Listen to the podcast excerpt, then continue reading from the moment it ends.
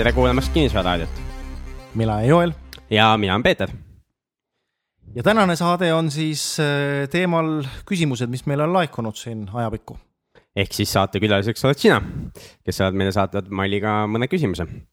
olen valinud siis sellised küsimused, mida inimesed kõige rohkem on küsinud ja, ja me arvame, et kui me nendele siin vastuseid anname, siis äh, paljud kuulajad saavad vastuse just nimelt, et äh, mit-, mitmed inimesed on küsinud praktiliselt äh, ka sama asja ja siis me võtame nagu mingi ühe maili ette ja, ja räägime sellest. ja muidu on aknast väljaspool ilus suvi endiselt, nii et, et loodame, et sa oled ka nautinud suve ja praegu on just hea aeg jälle remonti korraldada. see on tõsi, aga alustame. et äh, esimene küsimus oli Aleksandrilt ja Aleksander alustas niimoodi, et tere, Joel ja Peeter, tere kinnisvararaadio on äge projekt teil.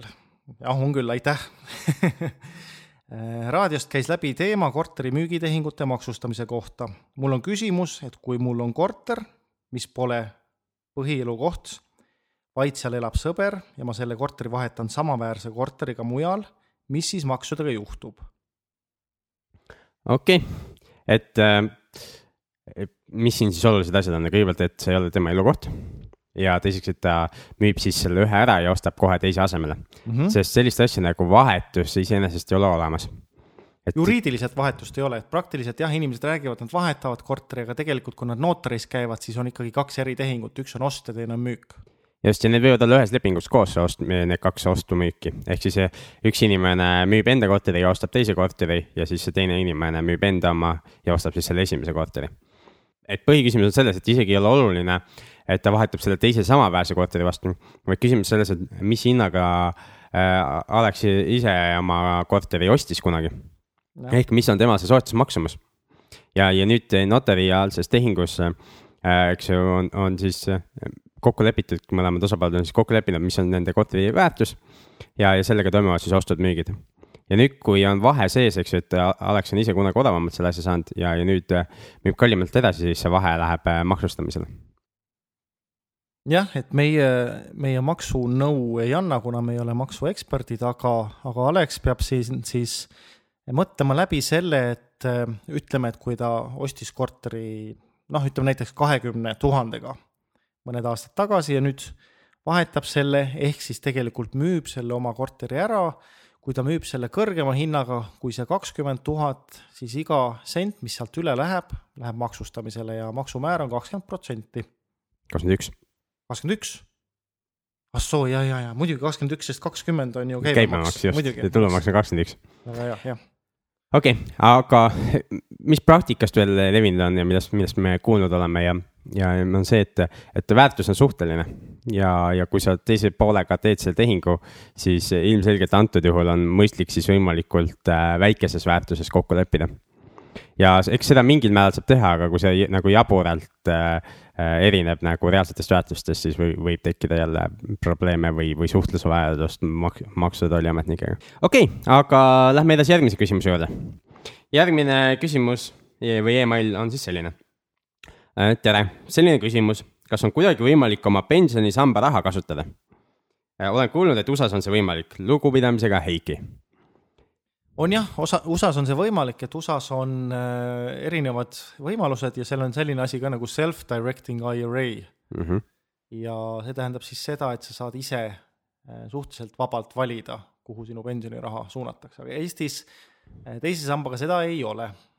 just, ja USA-s tõesti on, on tõesti noh, selles mõttes teine süsteem, et, et ma just hiljuti lugesin selle, selle kohta kusagilt täpsemalt nii kui sa äh, töötad ja see on sul tööandja juures see pension, et siis sa ei saa nagu ise otsustada, aga kui sa oled sealt töölt ära läinud, siis sa saad selle ümber muuta selleks isejuhitavaks pensionifondiks. ja siis sisuliselt sa ei saa ise otse teha, mis tahad seal, vaid sul peab olema see ikkagi fondihaldur, aga fondihaldurile sa saad siis öelda, et ma tahaksin sinna osta niisuguseid ja niisuguseid asju. ja siis tema vaatab üle, kas seadus lubab niisuguseid asju sinna osta ja kui lubab, siis, siis, siis saadki osta ja kinnisvara näiteks saab osta seal konkreetset objekti saab osta, pensionifondi saab osta, kulda, hõbedat, igasugu erinevaid asju saab osta, osta nendesse fondidesse. aga Eestis me kunagi uurisime Jooliga seda. ja mis me teada saime? Eestis on selline asi võimalik, et äh, kindlustuste kaudu ja kolmas pensionisammas, ehk siis need on need kaks äh, võtmesõna siin, ehk siis kui sul on kolmas pensionisammas, mis on vabatahtlik, eks ole. just nimelt mm. -hmm. ja kui sul on kolmas pensionisammas ja vabatahtlikult teed seda, siis sul on võimalik kindlustuselt eh, mis, see raha, mis sa oled kolmas, kolmandasse sambasse pannud, siis sul on võimalik see sealt välja laenata osa sellest ja suhteliselt väike osa oli see, ma ei mäleta, täpselt ei mäleta, mis see protsent oli, aga mingi osa seal, selle sisuliselt selle pensionifondi tagatisel saad laenu võtta. jah, ja intress oli sellel kõrge. Niisugune tarbimislaenu intress ehk sinna kuhugi kaheksateist, kahekümne juurde aastas jääb, jääb see intress ja periood vist oli ka üsna lühike. ehk siis ei, ei tundunud väga niisugune ahvatlev ja huvitav, et edasi uurida. jah, et meie isiklikult ei ole jah, seda edasi uurinud ja, ja ehk siis summa summarum vastus on see, et meie teada Eestis see praegusel hetkel veel võimalik ei ole. okei okay,, aga liigume edasi. järgmine küsimus oli Raikolt. Tere, kuulasin teie kinnisvara raadiosalvestisi ning tekkis soov täpsustada käibemaksuga maksustamist. nimelt sooviksin üle küsida, et kui ettevõte, mis ei ole käibemaksukohustuslane, ostab korteri eraisikult ning korteri ostu-müügi hetkel tekib käive mis on suurem kui kuusteist tuhat, siis kas ettevõte peab käibe tekkimise päevast hakkama käibemaksukohustuslaseks? Ja siis on küsimus veel, et kuidas teil kogemusi sellega on, et mingeid erijuhtumeid. aga kõigepealt, eks ole, peatume selle juurde, et kui inimene ostab korteri eraisikult e. E esiteks ei ole oluline, kust ettevõte nagu ostab seda korterit, see, see ei ole oluline, kas eraisikult või ettevõttelt, see vahet ei ole. ja teine asi, mis siin nagu kohe errorina silma hakkas, on see, et mis asi on käive. et käibemaksu on, käibemaks on keeruline teema. Ja, ja, ja väga pikalt ei, ei tahagi sellest nagu siin hakata rääkima, sest sellest võib lõputult rääkida, eks ju. aga käibemaks, käive on müügikäive. Ehk kui palju ettevõte müünud on mingeid asju. Ja, ja praegu e, küsimus oli ostu kohta, ehk siis siin tegelikult see absoluutselt ei ole oluline üldse.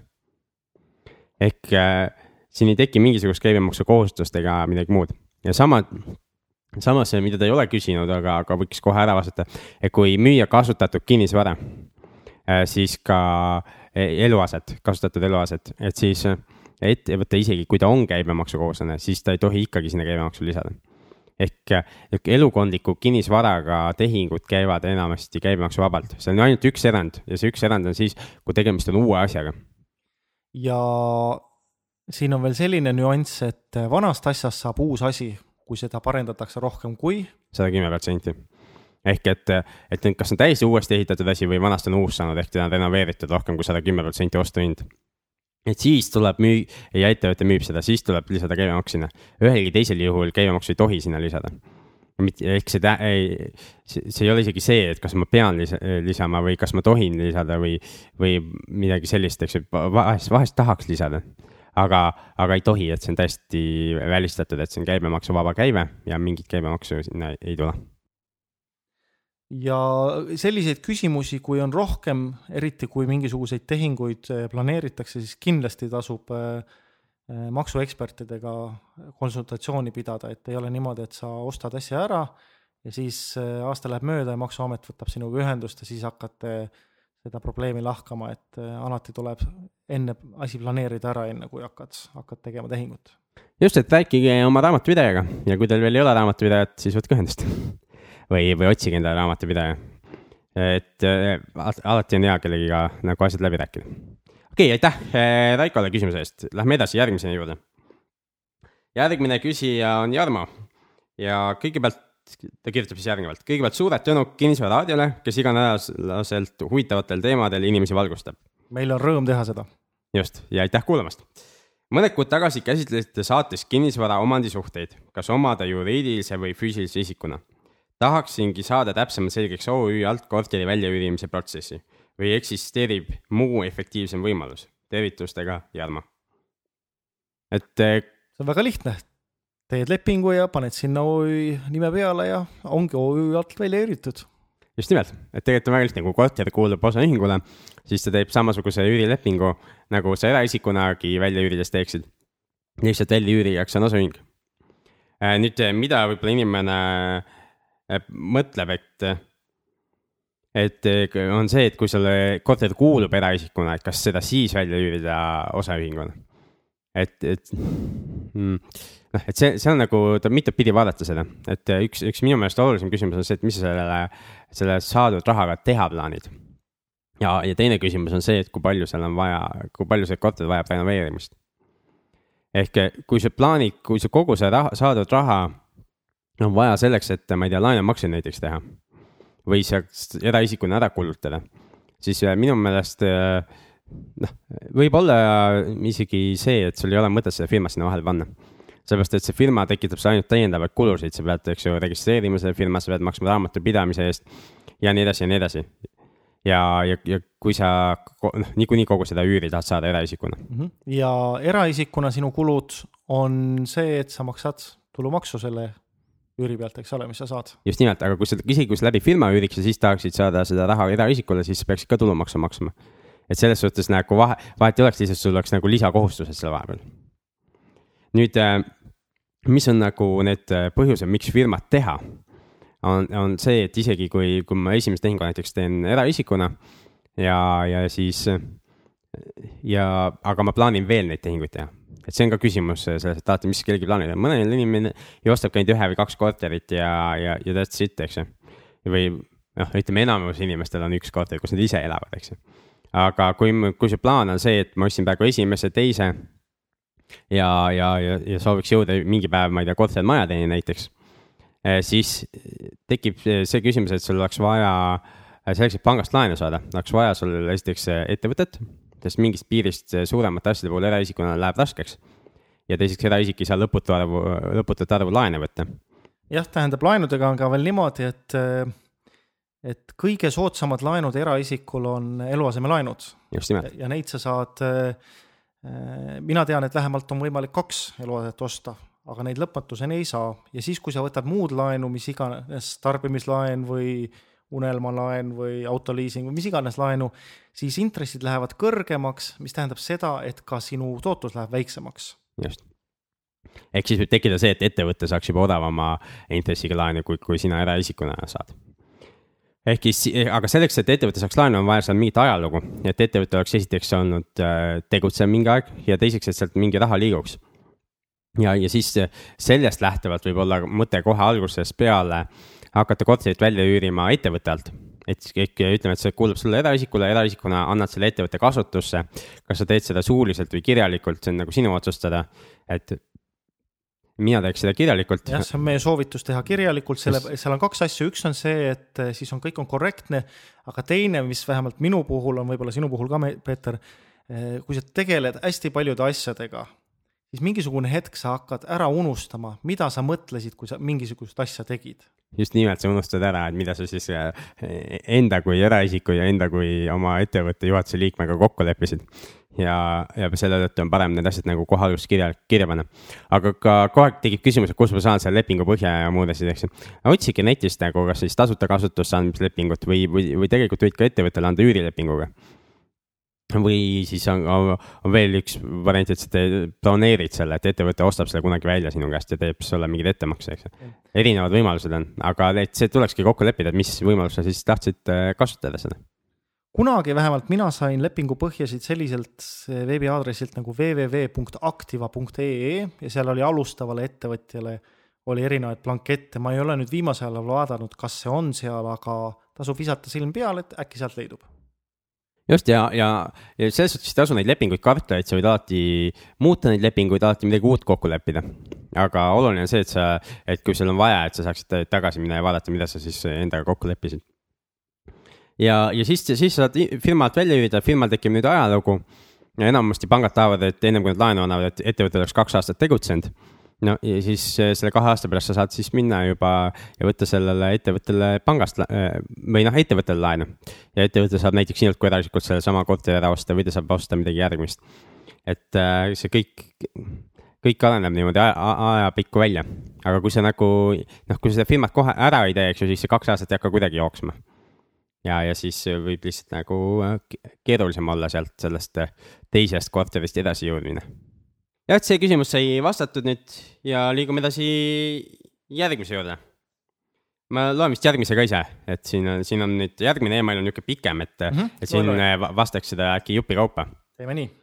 ja ja email on tegelikult eh, Tiinalt ja Tiinaga ma tegelikult kohtusin ka eraldi ja, ja rääkisime nagu nendest teemadelt.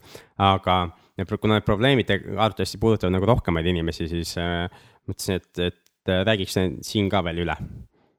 Aga kõigepealt tere, käisin kinnisvarakoolitusel mais ja tahaks natuke küsida korteri üürile andmise kohta. Ja on tore, et, et inimesed käivad koolitusel ja kuulavad ka meie raadiot, sellepärast et meil on, osad teemad on kattuvad, aga tegelikult siin äh, raadiosaates me ikkagi palju rohkem äh, lähme detailidesse teemade, teemades võrreldes kinnisvarakoolitusega. samas kinnisvarakoolitus oli selleks hea, et sihuke suur pilt luua ja et sa üldse, üldse oskaks nende detailidega midagi peale hakata, mida, millest me siin raadiosaates nagu räägime. et need on selles, selles suhtes on nad nagu erinevad asjad ja ma ei saa öelda, et me koolitusel üldse detailidesse läinud, mingid, me läksime nagu teistes asjades, näiteks maksustamistes ja mingitest muudest asjadest sai nagu mm -hmm. põhjalikumalt räägitud, kui me siin saates saame rääkida.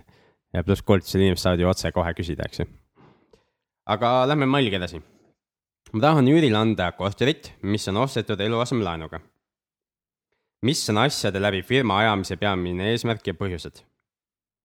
et sellest me natuke juba rääkisime, et selle eelmise maili puhul me siis vastasime tegelikult seda ära. et kui on see üks korter eluasemelaenuga, siis võib-olla ei olegi mõtet läbi firma teha. kui plaan on jätkata investorina ja soetada objekti juurde ja juurde, siis läbi firma ajamisel ongi see mõte, et tekiks see ajalugu ja et saaks hakata lõpuks selle firmale laene võtma. aga kui me nüüd eh, suures pildis nagu teemade kaupa öeldakse, ütleme siis, eh, miks firmasid tehakse, üks on maksustamine, firmal ja eraisikul on hoopis erinev maksustamine mm. -hmm. ehk siis see, et eh, firma ei maksa makse eh, enne, kui raha võetakse firmast välja.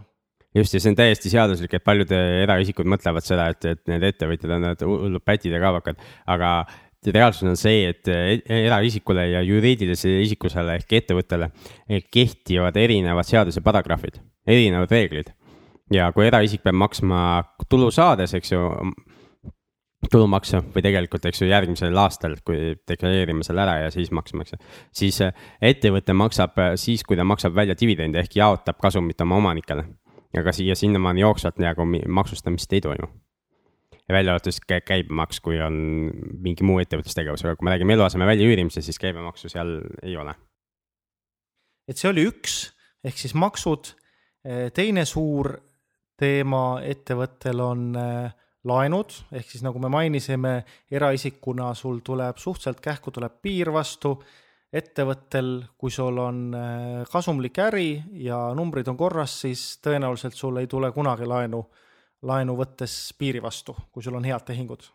ei tule jah, sellepärast et, et sul noh, kui üüri ületab, eks ju, laenumakse noh, siis sa saad nagu järjest tegelikult neid juurde võtta, eks ju. oluline on see, mida pank kindlasti näeb, et sul on mingid reservid ja mingid muud tulu ka, eks ju, kui, kui mõni korter ei too raha sisse, eks ju, et siis sa suudaksid ka seda maksta. aga ma ise olen praegu jõudnud nüüd ettevõttena kolmanda korterini näiteks. noh, eraisikuna, eks ju, nagu sa enne ütlesid, on võib-olla kaks olekski olnud see piir. ja, ja tegelikult ei ole mul praegu mingit takistust nagu järgmise ostmiseks ka, takist-, natuke takistab see, et uus sissemakseraha on jälle vaja mingite muude tulude kaudu tekitada. ja ka, küll see ka kokku saab jälle. jah, ja kolmas suur teema, mis on eh, eraisiku ja ettevõtte vahel, on see, et eh, eraisikuna oled sina üksi, aga ettevõttena eh, laienedes, kui finantsid on korras, siis sa võid palgata inimesi. just, eraisikuna võib ikka muidugi palgata inimesi, aga. no, nojah, aga, aga, aga. see ei ole nii tavaline. see ei ole jah enam nii tavaline. ja aga üks miinus võib olla see, et miks, miks nagu eraisikuna ikkagi välja üürida alguses on see, et kui sul ei ole raha, mingi muu, kui sa oma palgast ei saa maksta seda laenu. et siis sellisel juhul sa peaksid niikuinii selle raha firmast välja võtma ja tekiks see maksustamine, eks ju. et kõige paremini võib-olla see asi toimikski niimoodi, et kui sa suudad nagu edasi lükata oma seda, ma ei tea, tarbimist näiteks või, või, või, või vähendada oma, oma kulust, kulusid nagu, ma ei tea, piirata või, või vaadata üle. et sa äh, maksaksid nagu seda laenu eraisikuna, aga see üürist tulev raha jääks firmasse. jah, et sa ei kasuta seda eraisikuna, vaid sa kasutad seda uuteks investeeringuteks, ehk siis, et sa kiirendad seda firma arenemise, laienemise protsessi jah, ehk siis enda vara omandamise protsessi. ehk siis tegelikult sa võiks, võid seda vaadata kui, kui niisugust säästmisprogrammi ehk sa siis säästad iga kuu selle sinna, sinna kontole mingisugust raha ja siis sa saad hakata seda, seda raha kasutama oma siis järgmise laen, ütleme laenu võtmisel sissemakseks või, või kui on vaja, kui remontida midagi, siis remondiks või, või millekski muuks. et ja nüüd see sõltubki sinust, et kas sa, kas sa suudad sihukest asja teha või ei suuda. ja, ja palju inimesed ei suuda, eks ju, neil on see, kulubki en, juba enne järgmist palgapäeva kogu raha ära, siis tegelikult neil on väga-väga raske investeerimisega üldse alustada. Et, et see, et või, kui alustada kuidagi saab, siis jõuda selleni, et sul teine, kolmas, neljas, viies objekt tekiks. nõuab hästi palju distsipliini just, ja kui sul ettevõte juba olemas on, see ei tähenda, et see võib, peab ainult selle üürimisega tegelema. et sa võid alati välja mõelda ju ka mingeid teisi teenuseid ja, ja, ja nende eest arveid esitada ja tekitada veel sinna mingeid äh, lisasissetulekuid ja see ka kindlasti aitab kaasa sellele, et sa pärast, pärast äh, pangast saaksid parematel tingimustel laenu. Näiteks kui sulle see korterite teema väga meeldib ja äkki sulle meeldib ise remonti ka teha, siis sa võid ju aidata teistel ka remonti teha ja neile esitada arveid selle eest. muidugi. et äh, erinevad võimalused tekivad nagu sellest ettevõtte tegemisest äh, nüüd küsimus edasi siin, mille me natuke ka vastasime, on see, et mõtlen, kui tegu oleks nüüd ainult selle ühe korteriga, kas on mõtet teha korterilepinguga firmale haldamiseks ja siis üürnik maksaks sinna arvele? ja milline see leping välja peaks nägema?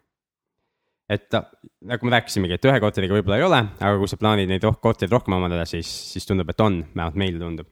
milline leping peaks välja nägema äh,?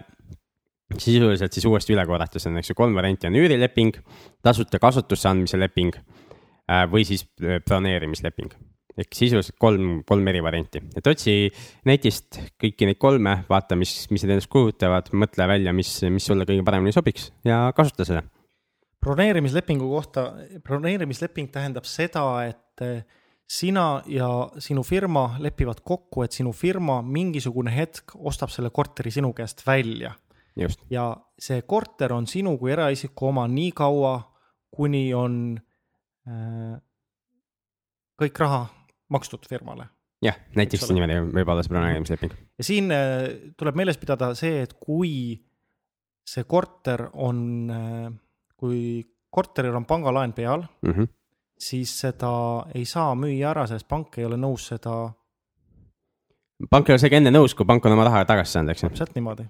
ja võib-olla see tekib broneerimislepingu näiteks, et, et kahe aasta pärast ostab ettevõte ära ja kahe aasta jooksul, eks ettevõte saab üürida, tal tekib mingi ajalugu, eks ju, kahe aasta pärast äkki saab ettevõte äkki ise laenu. võimalik, eks ju. E, ja saab ise laenu ja siis ta maksabki sulle selle ära ja sina saad oma selle kodulaenu ka ära maksta. Ja muidu mõelge loominguliselt, siin igasugu eri variante, kuidas neid asju kokku leppida ja jällegi ma ütlen veelkord, et see on, on kõigest Äh, mõnes mõttes on see nagu kõigest paber, eks ju. ehk äh, sa lep-, sa lepid midagi kokku, jah, selle kokkulepe kehtib, aga äh, kuna lepingu mõlemad pooled oled ju sina ise, sa saad alati muuta seda kokkulepet. nii, järgmine küsimus, mis siit teemalist tuleb. Küs-, küsin veel, et kui on kokkulepe üüri osas, siis kas võib ka kirjutada, et üürnik maksab kõik korteriga seonduvad kulud? Ehk ühistu poolt esitatava arve igakuiselt? see, see vist on jah, jah, vastus on jah, ja see vist ongi tava, sellepärast et äh, nii palju, kui mina olen vaadanud näiteks kuulutusi, kui on üürile andmise kuulutus, siis seal on kirjas, et see on äh, eks ole, üüriraha mingisugune eurod pluss kommunaalid, ehk siis Eestis see ongi tava, näiteks kusagil mujal maailmas, näiteks Soomes on niimoodi jah, et sa jooksvad kulud, elektri, vee ja gaasi või mis iganes sooja maksad ära, aga näiteks korteriühistu remondifondid ja mis iganes. koristusteenused, haldused, lume lükkamised. jah, et need siis jäävad omaniku maksta, et see tõesti oleneb väga, väga turust, aga noh, eeldame, et me räägime Eesti turust, siis vastus on, et jah, saab küll, aga. mis, kus see, mis aga on? Aga on see, et kunagi keegi on rääkinud, et seadus võlaõigusseadus jah ja.? siin on nagu eriversioon olnud selle remondifondi kohta, eks ju, et me oleme kuulnud juriste, kes ütlevad nagu, et, et remondifondi peaks omanik maksma ja üürnik ei pea seda maksma ja siis on mingid üürnikud, kes ka seda ütlevad ja, ja ma ausalt öeldes võtsin ise nagu selle võlaõigusseaduse ette ja vaatasin nagu läbi neid paragrahvid ja mina nagu üles ei leidnud selle kohta, kus see niimoodi kirjas oleks. et, et kui mõni jurist kuulab meid, siis saatke meile need paragrahvid, me loeks nagu uuesti ja, ja prooviks siis ka aru saada sellest, sellest siis niipidi. aga vähemalt need üürilepingud, mis mina ise olen teinud, me oleme alati üürnikuga kokku leppinud, et tema maksab kogu arve, kõik ja ma eraldi on loetletud veel lepingus kõik need vead, mis seal arve peal on. et ei tekiks nagu kahetisi arusaamisi. ja alati, kui ma ei tea, üürnik mingi hetk ärkab ja ütleb, et ma ei taha remondifondi enam maksta mul üks üürnik on ka teinud see, niimoodi ärganud mingi hetk, eks ju. ütlesin, väga hea, aga siis, see remondifond oli vist kaksteist eurot kuus, siis tõstame üüri kaksteist eurot kuus ja, ja on kõik, minu pärast on kõik korras, eks ju, siis ära maksa remondifondi. siis see, see lahendus ka ei meeldinud. aga noh, niisuguseid asju kõike saab teha nagu täna sellise, selle ja kui sa oled nagu turu alumises otsas ja mida ma sellega mõtlen, on see, et, et niisugust turu alumises otsas olles ehk odavama otsa korterid, nende puhul on üürile soovijaid oluliselt rohkem kui pakkumist ja siis sina üürileandjana saad nagu dikteerida neid tingimusi. kui sa üürid välja näiteks, ma ei tea, kesklinna kallimaid kortereid, siis seal on neid, kes suudavad maksta nagu normaalselt, neid on vähem, eks ju, siis seal üürnik ütleb, mis tema tahab või ei taha, eks ju. ja sina siis kas äh, istud edasi oma tühjas korteris või, või siis äh, äh, võtad pakkumise vastu et see alati sõltub sellest, mis olukord turul parasjagu on, aga praegu on selline olukord, et mina ei näe küll mingit probleemi, et küsida üürnike käest, et nad kogu, kogu arve maksaksid.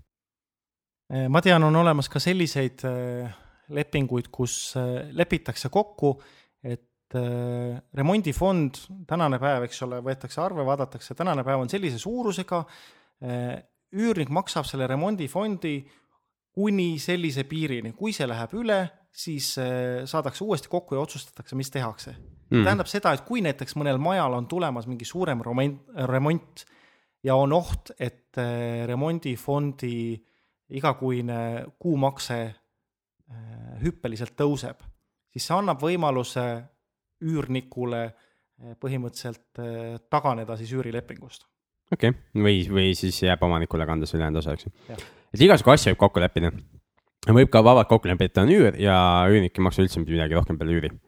et omanik maksab kõik, niisugust kokkulepet mina ei teeks, ei teeks siin, ei teeks kusagil mujal ka. sellepärast, et see vähemalt inimesed, mis räägivad, on sellised, et vee ja elektrikulu ja nende mõõdetavate asjade kulu ka kasvab hüppeliselt. sellepärast, et milleks nagu tuld ära kustutada, kui, kui maksma ei pea selle eest, et las põleb siis kakskümmend neli seitse, eks ju. ja, ja milleks kraani kinni keerata, kui võib kogu aeg lasta sellel joosta, eks ju. Et vesi, elekter, mõõdetavad kulud ikka, need kindlasti peaks nagu jätma üürniku kanda, et siis tarbimine on ka nihuke normaalne. aga vaatame edasi, veel on küsimusi siin et juhul, kui üüriks välja eraisikuna, siis üür läheks maksustamisele. tõsi. aga need korteriühistu kulud, kuidas nendega on? no vot, see on, eks ju, kuidas, kuidas sa vaatad seda, et kui sa vaatad seda, et korteriühistu eest inimene maksab sinule pangaarvele raha, siis mõni võib vaadata, et näed, sa said tulu, aga tegelikult sa tulu ei saanud, sellepärast et sina ju ise maksid korteriühistu arve ära ja nüüd sa küsisid inimese käest täpselt sellesama raha tagasi. eks seda tegelikult nimetatakse makse vahendamiseks ja, ja makse vahendamine, et mina küll nagu ei näe kusagilt otsast, et see peaks, peaks nagu, et seda saaks inimesed tuluks lugeda ja et seda saaks, saaks maksustada. et ma millegipärast olen kuulnud niisuguseid nii-öelda linnalegende või jutte, et, et kellelgi, kellelgi justkui väidetavalt oleks maksustatud seda. aga si ma konkreetseid juhtumeid küll ei tea. siin on hästi oluline, et kui sa arve esitad, siis sa arve peal tood välja, palju on üür ja palju on siis kommunaalkulud, sest kui sul on ainult arve ja seal on üks summa mm, -hmm. kuidas sa siis tõestad, et näed, et osa oli siin kommunaal, eks ole? just, ja nüüd, millest Joel rääkis, eks, et arve, et paljud inimesed arvavad, et eraisikuna sa ei saa arvet esitada, aga mina küll ei näe nagu mingit takistust sellele. et ma olen ise kunagi eraisikuna korterit välja üürinud, täna mul ei ole ühtegi korterit eraisikuna välja üüritud, ma ei oma eraisikuna ühtegi korterit. aga kaks tuhat neli kuni kaks tuhat seitse mul eraisikuna kuulus korter ja üürisin seda välja, siis ma iga kuu samamoodi üürnikule esitasin arve, nagu ma oleks, nagu ettevõtedki esitavad. Lihtsalt selle arve esitajana oli peal siis eraisik Peeter Pärtel ja, ja isikukood või, või midagi niisugust ja minu isiklik pangakonto number. et see hoiab nagu jälle selguse huvides, eks ju, et see on, siis on selge, eks ju, mille eest see inimene maksab ja kui palju.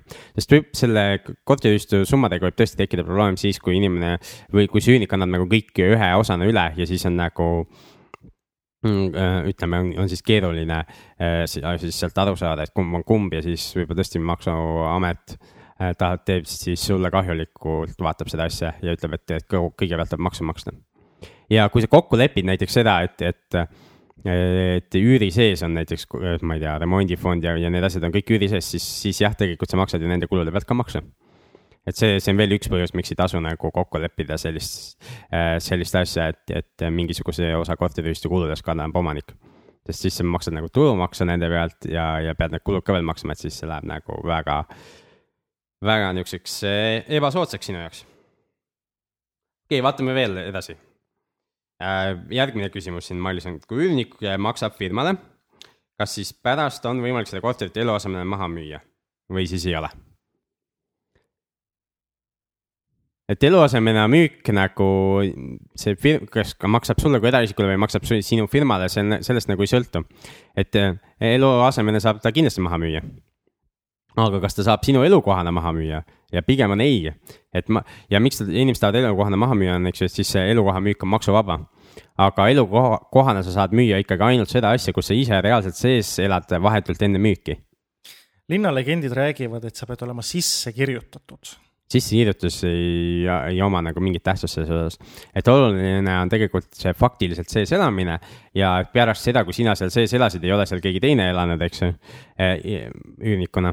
Ja, ja siis järgneb nagu müük et see ei tähenda ka seda, et sa ei või välja kolida näiteks enne seda, äh, kui kui sa nagu müüki paned, et noh, ma arvan, et on mõistlik isegi see korter nagu oma kolast tühjaks teha, eks ju, ja, ja, ja võib-olla isegi, ma ei tea, kerge värv või midagi, eks ju, eks see parem välja näeks. aga, aga see, noh, aga siis on ikkagi elukoha müük, eks ju.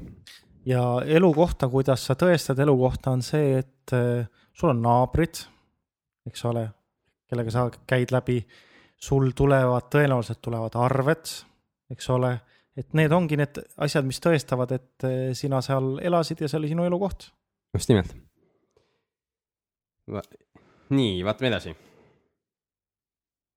ahah, siis eh, kirjutab eh, Tiina veel seda, et, et tal on veel üks väiksem korter ja kui need korterid siis samale firmale nagu väljaüürimiseks anda, kas siis saaks ühe rendist saadava raha arvelt teist remontida absoluutselt saab. ja kui selles teises pole veel üürnikke, kas ta võib siis ka maksta selle korteriühistu arveid? sellest rahast. võta, võtame kokku niimoodi, et äh, kõik, mis firma sees toimub, on firma juhtkonna otsustada. et kuhu raha läheb, mis selle rahaga tehakse, see on sina kui firma juht, sina otsustad seda. et siin on, oluline on see, et valdus oleks firmale üle antud tegelikult ja mida see valduse üleandmine tähendab seda, et sa teed ühe sellest kolmest lepingust siis, eks ju, kas üürilepingu, tasuta kasutamise andmise lepingu või siis selle broneerimislepingu. lisaks teed siis üleandmise vastuvõtmise akti ja, ja paned sinna kulud ja kõik asjad kirja ja annad selle firmale üle. ja, ja selles, nendes lepingutes sa lepid kokku, et firma katab kõik kulud sellega seoses. nüüd firma võib katta ainult nende asjade kulud, millest hakkab kunagi tulu ka teenima et eh, kui seda jälle osa inimesi mõtleb, et ahhaa, ma teen niimoodi, et ma annan selle firmale, siis remondin ta ära, eks ju, firma raha eest. ja, ja siis firma annab selle mulle tagasi ja siis ma lähen elan selle edasi. et niimoodi see asi ei toimi, eks ju, see on, seda nimetatakse erisoodustuseks ja, ja, ja, ja see, läheb nii tulu kui sotsiaalmaksuga maksustamisele pärast.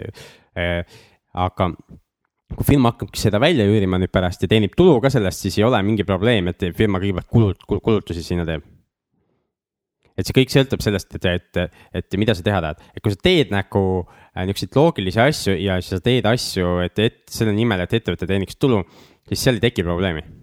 võib tekkida jah küsimusi, aga küsimustele sa vast-, saad vastata ja ongi kõik korras, eks ju e,. probleemid, eks ju, tekivad siis, kui inimene tõesti tegelebki kas siis äh, te, täiesti teadlikult või vähem teadlikult millegi sellisega, mida saab nimetada maksupettuseks jah, ehk siis see, et kui sinu firmaga seotud kulud ja sinu eraisiku kulud lähevad segamini. jah, kui need lähevad nagu kardinaalselt segamini, et siis, siis arvatavasti sul tekib probleeme. aga mis, mis need probleemid on ka, inimesed kardavad tihti, uhuu, probleemid, eks ju, väga õudne, väga õudne. noh, kõige hullem, mis sinuga juhtuda saab, ongi see, et sa pead äh, mingisuguse summa raha maksma siis Maksu- ja Tolliameti kontole ja, ja see summa, eks ju, võib kasvada viiviste tõttu ja nii edasi no,. aga see on kõige hullem pa. parimal juhul on niimoodi, et äh, kui midagi avastatakse, siis sa pead lihtsalt need rahad eh, tagasi kandma sinna, kus, kust nad tulid, eks ole, ehk siis sa eh, sorteerid oma rahad ja firma rahad jälle õieti ära. halvimal juhul tulevad sulle trahvid peale. Aga kui sul on. no Maksu- ja Tolliamet enamasti ei tee kohe trahvi, ta annab sulle äh, võimaluse veel kõik ära parand-, noh, korrigeerida oma käitumist, eks ju, ja maksta maksud ära ja siis, siis tuleb nagu, kui sa seda ei tee, siis tuleb mingisugune ettekirjutus, eks ju, ja, ja siis võib tulla mingi trahv. jah, ja nagu ühes seat-, saates mainisin, siis äh, või tähendab, Peeter mainis, on see, et ära kunagi ise tolli, Maksu- ja Tolliametiga suhtle, vaid lase alati kellelgi teisel, kes on sinu esindaja, sest tema saab alati öelda, mina ei tea, mina uurin jah, ja siis sa saad nagu lisaaega mõelda, et kuidas selle, selle probleemiga tegeleda. ja saidki meie tänaseks valitud küsimused otsa.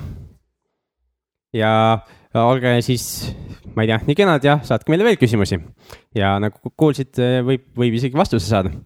ja saade kinnisvararaadio.ee on meie Malju-aadress ja, ja sinna on siis oodatud kõik kinnisvaraga äh, või ka laiemalt majandusteemadel see küsimused jah, ja kui, kui teil on ka häid soovitusi, et äh, mis võiksid olla teemad, millest me räägime või kes võiksid olla meie saatekülalised tulevikus või koguni tahad ise tulla rääkima oma edulugudest ja oma vigadest või õppetundidest, siis äh, anna teada, et äh, me kindlasti võtame neid arvesse, et meil oligi just siin nädala lõpul saime ühe hästi tuntud tegijaga kokkuleppele, et, et võib-olla ta tuleb meie saatesse rääkima, et siis äh, varsti kuulete äkki. varsti kuulete jah, äkki. ja veel kord Maljas saade, et kinnisvararaadio.ee ja tänan meid kuulamast, kohtumiseni järgmisel nädalal. kohtumiseni